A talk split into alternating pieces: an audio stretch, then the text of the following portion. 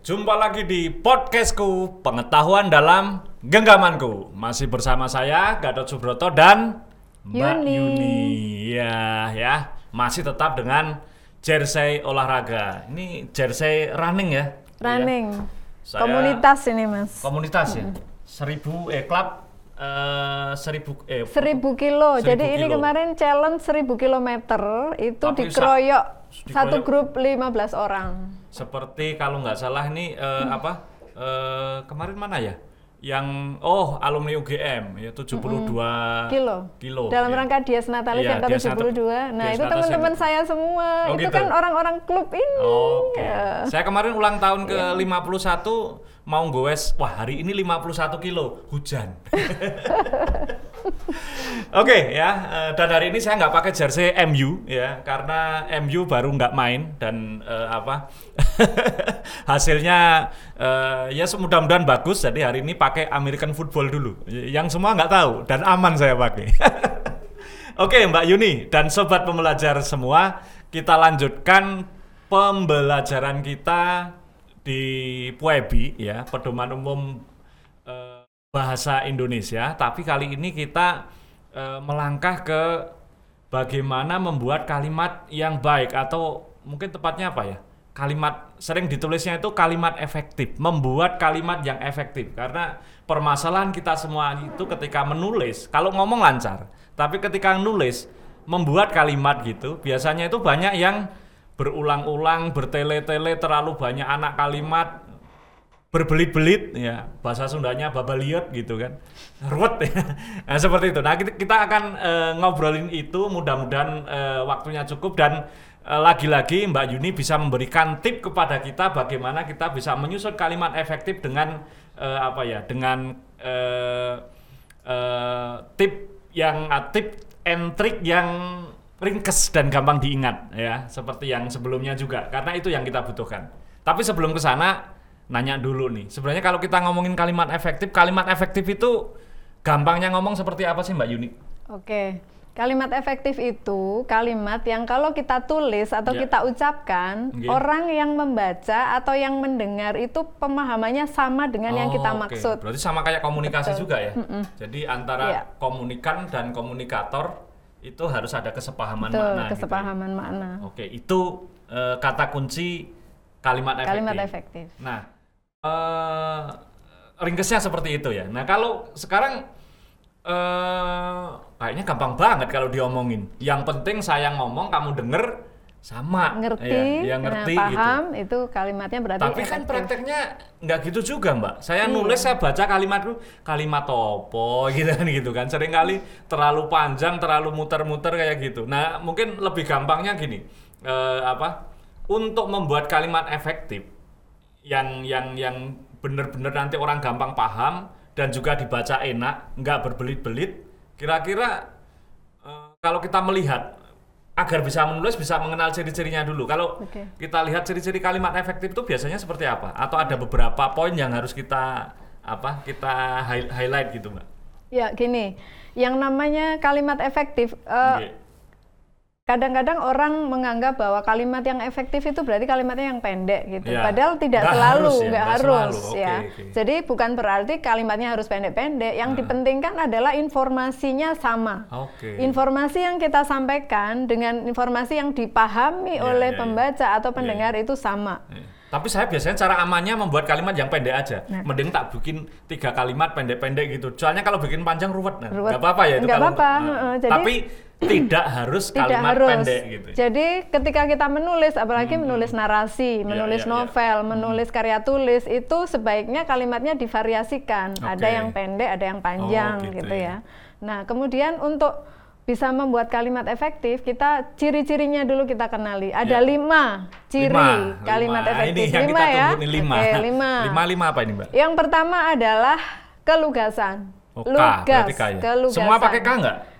Kalau diberi awalan K ke semuanya, pakai ya K. udah, sudah. Kalau Kelugasan. ya kalau apa kalau zaman Covid ini kita 5M ini 5K. eh ciri-cirinya berapa tadi 5? Lima. Oh, jadi 5K Ya. deh, 5K. 5K, K ya. yang satu apa itu? Yang pertama kelugasan. Kelugasan, lugas yang ya, kedua kelugasan. ketepatan. Kelugasan, Ketepatan. Yang terus ketiga kejelasan. kejelasan, Yang keempat kehematan. kehematan, Hemat, itu hemat ya. artinya tidak boros ya. Ya, terus Oke, yang yang kelima? kelima kesejajaran. kesejajaran ya Ya. lima ya teman-teman. Ya. Dari satu dulu deh.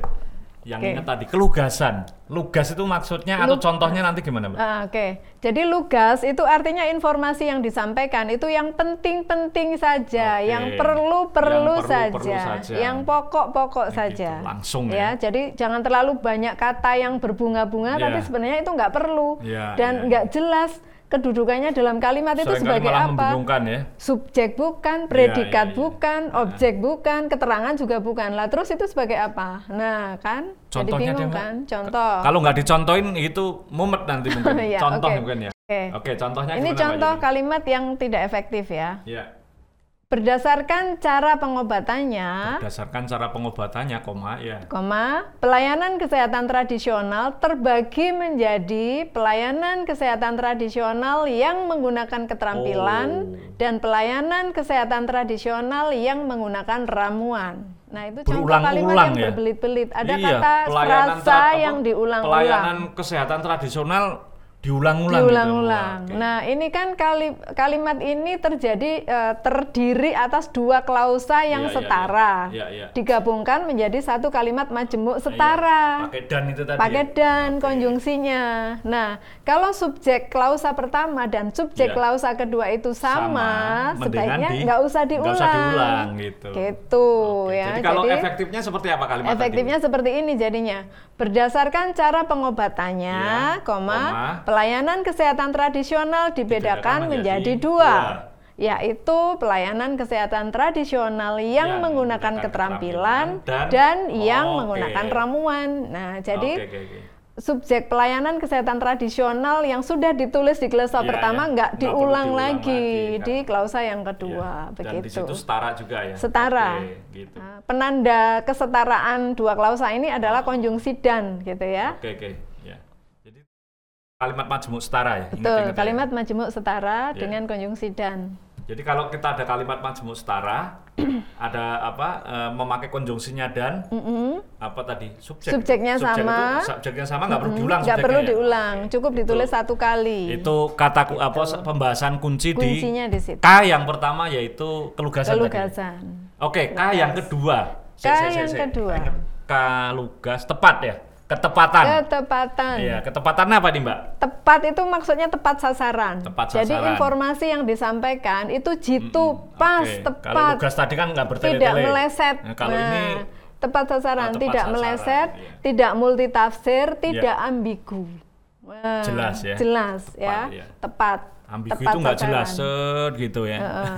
ambigu itu kalau di eh, di di foto kalau di foto Ngeblur apalagi foto ya? street itu justru ambigu itu malah sering kali dibiarkan biar orang mikir apa apa sih gitu ya, justru ini apa sih daya gitu. tariknya di biar situ orang, ya. biar orang menarik gitu Iya, lama-lama di situ oke. tapi kalau di kalimat nggak boleh ya Kalau kalimat nggak boleh, itu, jadi ya. Iya, karena bisa menimbulkan multitafsir, Iya, iya, artinya pemahamannya jadi berbeda Benar, antara yang kita benar, maksud benar, dengan yang benar. diterima oleh pembaca Oke, atau nah. pendengar. asik juga kalau bahasa tulisan ya harus harus jelas benar harus tepat itu kalau gambar sengaja lo dibuat bingung Oke, eh, apa eh, contoh ya? Boleh, Contoh, boleh dikasih contoh boleh. nih? Contohnya seperti ini. Ada kalimat rumah seniman yang antik itu dijual dengan harga murah.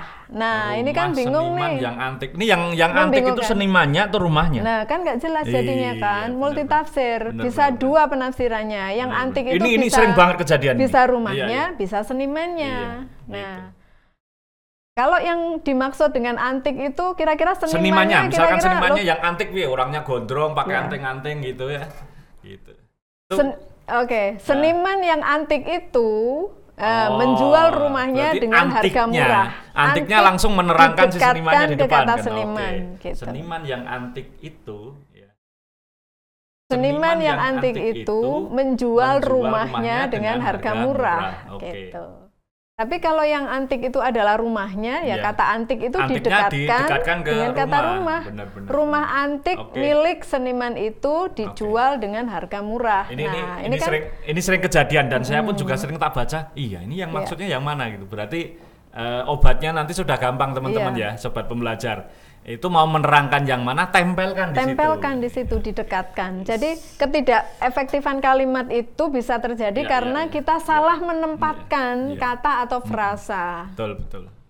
Keren itu, jadi infrasa dipaskan ya. Oke. Iya. K yang kedua ketepatan, K yang pertama tadi kelugasan, sekarang kita K yang ketiga kejelasan. Kejelasan. Nah, kalau tadi tepat itu langsung harus Sasaran. eh, tepat ke sasaran ya. Kalau kejelasan Kalau kejelasan Ya. itu dari struktur kalimatnya. Struktur. Struktur, kalimatnya jelas, subjeknya yang mana, Sub- predikatnya SPOK betul, ya. SPOK. Tak, jangan lupa ada satu unsur lagi pelengkap. Oke. SP O- O pelengkap keterangan. Nah, Oke, gitu. pelengkap keterangan. Iya. Ya, ya, ya. ya. Jadi unsur-unsurnya jelas. Oke, bisa eh, bisa pakai contoh-contoh yang lebih pas ya kalau untuk kejelasan itu, Mbak. Oke. Ah, ah, ini karena kalau kalimat kita harus pakai contoh kalau Harus pakai di- contoh iya, ya. iya, iya. Oke, contohnya seperti ini. Mm-mm. Eh, berdasarkan analisis kapasitas produksi yang telah dilakukan, Tuh, panjang banget. nah ini keterangan nih iya. ya, Iya, dapat keterangannya. diketahui bahwa dalam menjalankan promosi memiliki pengaruh terhadap penjualan. Nah ini contoh Yes, yes, yes, kalimat yang Itu kok an- apa strukturnya tidak jelas. kok keterangannya aja panjang banget ya? Iya. Berdasarkan analisis kapasitas pro- kapasitas produksi yang telah, Telah dilakukan. dilakukan. Biasanya Itu skripsi, Keterangannya cukup panjang. heeh. Iya, skripsi, karya, karya tulis, ilmiah karya itu kan buku, buku, Iya, buku iya. teks itu kan biasanya seperti ini. dapat nah, diketahui bahwa dalam menjalankan promosi memiliki pengaruh terhadap, penjualan. Intinya Kalimat ini tidak jelas subjeknya. Iya, iya, iya, Tidak benar. jelas subjeknya karena Masa dalam subjeknya menjalankan dapat promosi. diketahui? Nah, Enggak, dapat kan? diketahui itu predikat, Predikat. karena ada kata kerja pasif Iya, iya, diketahui. diketahui. Menjalankan Ya, ini kalau di sini kan dalam menjalankan promosi ya harusnya itu predikatnya menjalankan menjalankan ya mbak ya. Ya, ini dua kalimat yang digabungkan Hmm. menjadi kalimat majemuk. Oke. Yang satu klausa inti atau eh, induk kalimat, yang satu klausa bawahan atau anak Oke. kalimat. Kalau Kemudian di- ada ah, sonjung konjungsi subordinatif yaitu bahwa. Bahwa itu konjungsi subordinatif yang menandakan bahwa setelah kata bahwa itu adalah klausa, Klausa yang lagi. berupa anak kalimat. anak kalimat. Oke. Iya. Kalau disederhanakan biar efektif atau apa diefektifkan kalimat Oke, yang tadi ya. kalimatnya diperbaiki menjadi Ya. seperti ini. Ya. Berdasarkan analisis kapasitas produksi yang telah dilakukan, Sama jadi dong, keterangannya tetap, Tetap, ya. kemudian dapat diketahui bahwa Ah, ah. Promosi memiliki pengaruh terhadap penjualan. Jadi Promosi ya. promosi memiliki Promosi ya. pengaruh terhadap Subjeknya penjualan. promosi ya. Subjeknya adalah promosi. Ah, Kalau oke. kalimat yang pertama tadi kan Dapat eh, diketahui bahwa dalam menjalankan dalam promosi. menjalankan promosi. Subjeknya kalimat sendiri itu dalam menjalankan dalam promosi. menjalankan promosi Ya, itu adalah ya. frasa eh, preposisional Oke. karena ada kata dalam. Nah, ini yang yang apa? Kalau ngedit itu ya makanya editor itu harus dibayar mahal itu Betul. di sini dan di Indonesia di Indonesia itu editor itu kayak nggak dipandang eh, dipa- nggak dipandang, Dipandang sama sebelah- sekali. iya. Sedihnya saya di situ. Saya baru membuat buku eh, foto tapi untuk apa ada editor foto ada editor tulisannya itu ternyata editor tulisan itu tidak lebih gampang daripada editor foto Betul. ya. Yang berpikir banyak justru Iya, editor ah. itu. karena benar-benar ketika kita baca menjadi berbeda maksud kalimatnya apa ini sebenarnya? keren dan itu Iya. profesi yang sebenarnya harus dibayar sepadan dengan apa dengan keahliannya Iya. benar. Tapi bener loh mbak ya, Iya. Eh, apa di luar negeri editor itu bayarannya ya mirip-mirip dengan penulis gitu. Iya. Tapi kalau di sini editor nggak dihargai ya. Eh, sedih saya sebenarnya ya, sedih saya. Iya, Padahal begitulah. harusnya kan minimal di pusdiklat keuangan umum nanti setiap buku editornya Harus ada Mbak Yuni editornya. gitu kan ya. Dapat honor sama dapat angka kredit. Asik, mau dong. iya dong, bagi-bagi gitu Iya, ya. iya. Oke. Siap. Satu, dua, tiga kejelasan. Eh, apa ke sorry tadi ke Kelugasan, kelugasan, ketepatan, ketepatan, kejelasan, yang keempat, Keempat. sekarang. Hemat tadi. Ya, Yang terakhir kesejajaran ya. Wah, udah hafal. ya. Ke Yang- hematan dulu. hematan. Kehematan dulu. iya. Hemat itu eh Nggak boros. lawan katanya apa, Mas? Hemat itu boros. Boros berarti ya. hemat sama dengan tidak boros. Tidak boros, Ya, ya. Tidak boros artinya eh, Nggak gini, kebanyakan kata, nggak kebanyakan kata dan hindari bentuk-bentuk yang sama atau bersinonim, gitu Oke, ya. ya. Misalnya dalam satu kalimat jangan Hmm. ada dua bentuk yang sama digunakan secara bersamaan dalam satu kalimat Oh, sekaligus oke. gitu. Ya, misalnya di subjek dan predikatnya bentuknya Oke. sama, Oke. gitu. Contoh-contoh deh, contoh deh. Contoh, ya, contoh ini saya punya kalimat seperti ini, ya. Mas. Iya, iya. Pemberian penghargaan dapat diberikan dalam bentuk tanda jasa. Nah, ini kan Iya. ada dua bentuk yang sama nih, Iya, pemberian dan diberikan. Subjek dan Oke, predikatnya iya, bentuknya sama. Iya, pemberian penghargaan dapat diberikan. Diberikan dalam bentuk Oh, tanda kok jasa. diulangin ya? Makanya Subjeknya udah ada kata pemberian, predikatnya diberikan. diberikan juga. Nah, sebaiknya dihindari yang seperti itu ya. Jadi kita harus cari kata yang lain kan kita Oke. punya banyak perbendaraan kata kan Ah. ya. Kita gunakan kata yang berbeda Oke. ya. Oke. Kalau disederhanakan atau di nggak boroskan tadi bisa eh, penghargaan dapat diberikan dalam bentuk gitu ya? ya? Betul. Oke. Mm. Penghargaan diberikan dalam bentuk. Jadi Iya. kata pember, apa, pemberian penghargaan, pemberiannya dibuang. Pemberian Langsung dibuang. penghargaan dapat diberikan dalam Oke. bentuk tanda jasa. Atau gini, bisa jadi pemberian penghargaan bisa berbentuk atau dapat berbentuk gitu bisa Betul, kan? Nggak ya. usah pakai Jadi- dapat diberikan Mm-mm. lagi gitu kan? Jadi kata diberikannya dibuang, Oke. pemberiannya tetap Nah, dipertahankan. itu maknanya sama dua beda kalimat nggak apa-apa ya? nggak apa-apa, Tetap efektif tetap dua-duanya? efektif Oke. dua-duanya, ya. Saya. Jadi kalau teori saya belajarnya keren, Nam. Kalau nulis ya embuh. dari satu kalimat yang tidak efektif kita dapat menggunakan beberapa cara Oke. untuk menjadikan kalimat itu Siap, menjadi siap. efektif. Keren, keren, keren. Lanjut deh, Mbak Yuni. nih. Waktunya eh, apa eh, berlari lebih cepat daripada apa cadence kita ini. Iya, ini kayaknya pace-nya tiga ini Iya. waktunya. Yang terakhir kesejajaran. Kesejajaran. Kesejajaran. Iya. Ini aku Jadi- masih belum punya bayangan kalau kesejajaran. Se- Sejajar itu sama dengan paralel, sama dengan Paralel. sederajat, sederajat, Sederajat gitu gitu ya. ya, Heeh, paralel atau sama. Iya. Nah, ini dilihat dari bentuknya atau Bentuk dari itu? strukturnya. Oh, kesejajaran bentuk. Atau kesejajaran bentuk dan struktur? kesejajaran Oke. struktur. Misalnya yang Oke. dimaksud bentuk ini dari bentuk katanya. Misalnya Ya. kalau nomina di, se- di sebelah apa namanya eh, di anak kalimat berarti Ya. di sana juga Nomina nomina, kata, jumlah- benda. Kata benda ya. Mm. Kalau kata benda berarti harus kata benda. Ya, ya. Kalau di sini menggunakan kata kerja berarti di bagian lain juga menggunakan kata, Kata kerja. Gitu. Itu namanya kesejajaran, bentuk. Kesejajaran bentuk. Contohnya Kalau- dulu deh. Ya, Sebentar. jangan kesejajaran, jangan ini. Oh yang ya, ini contoh, dulu. Contoh misalnya dulu. gini, Ya.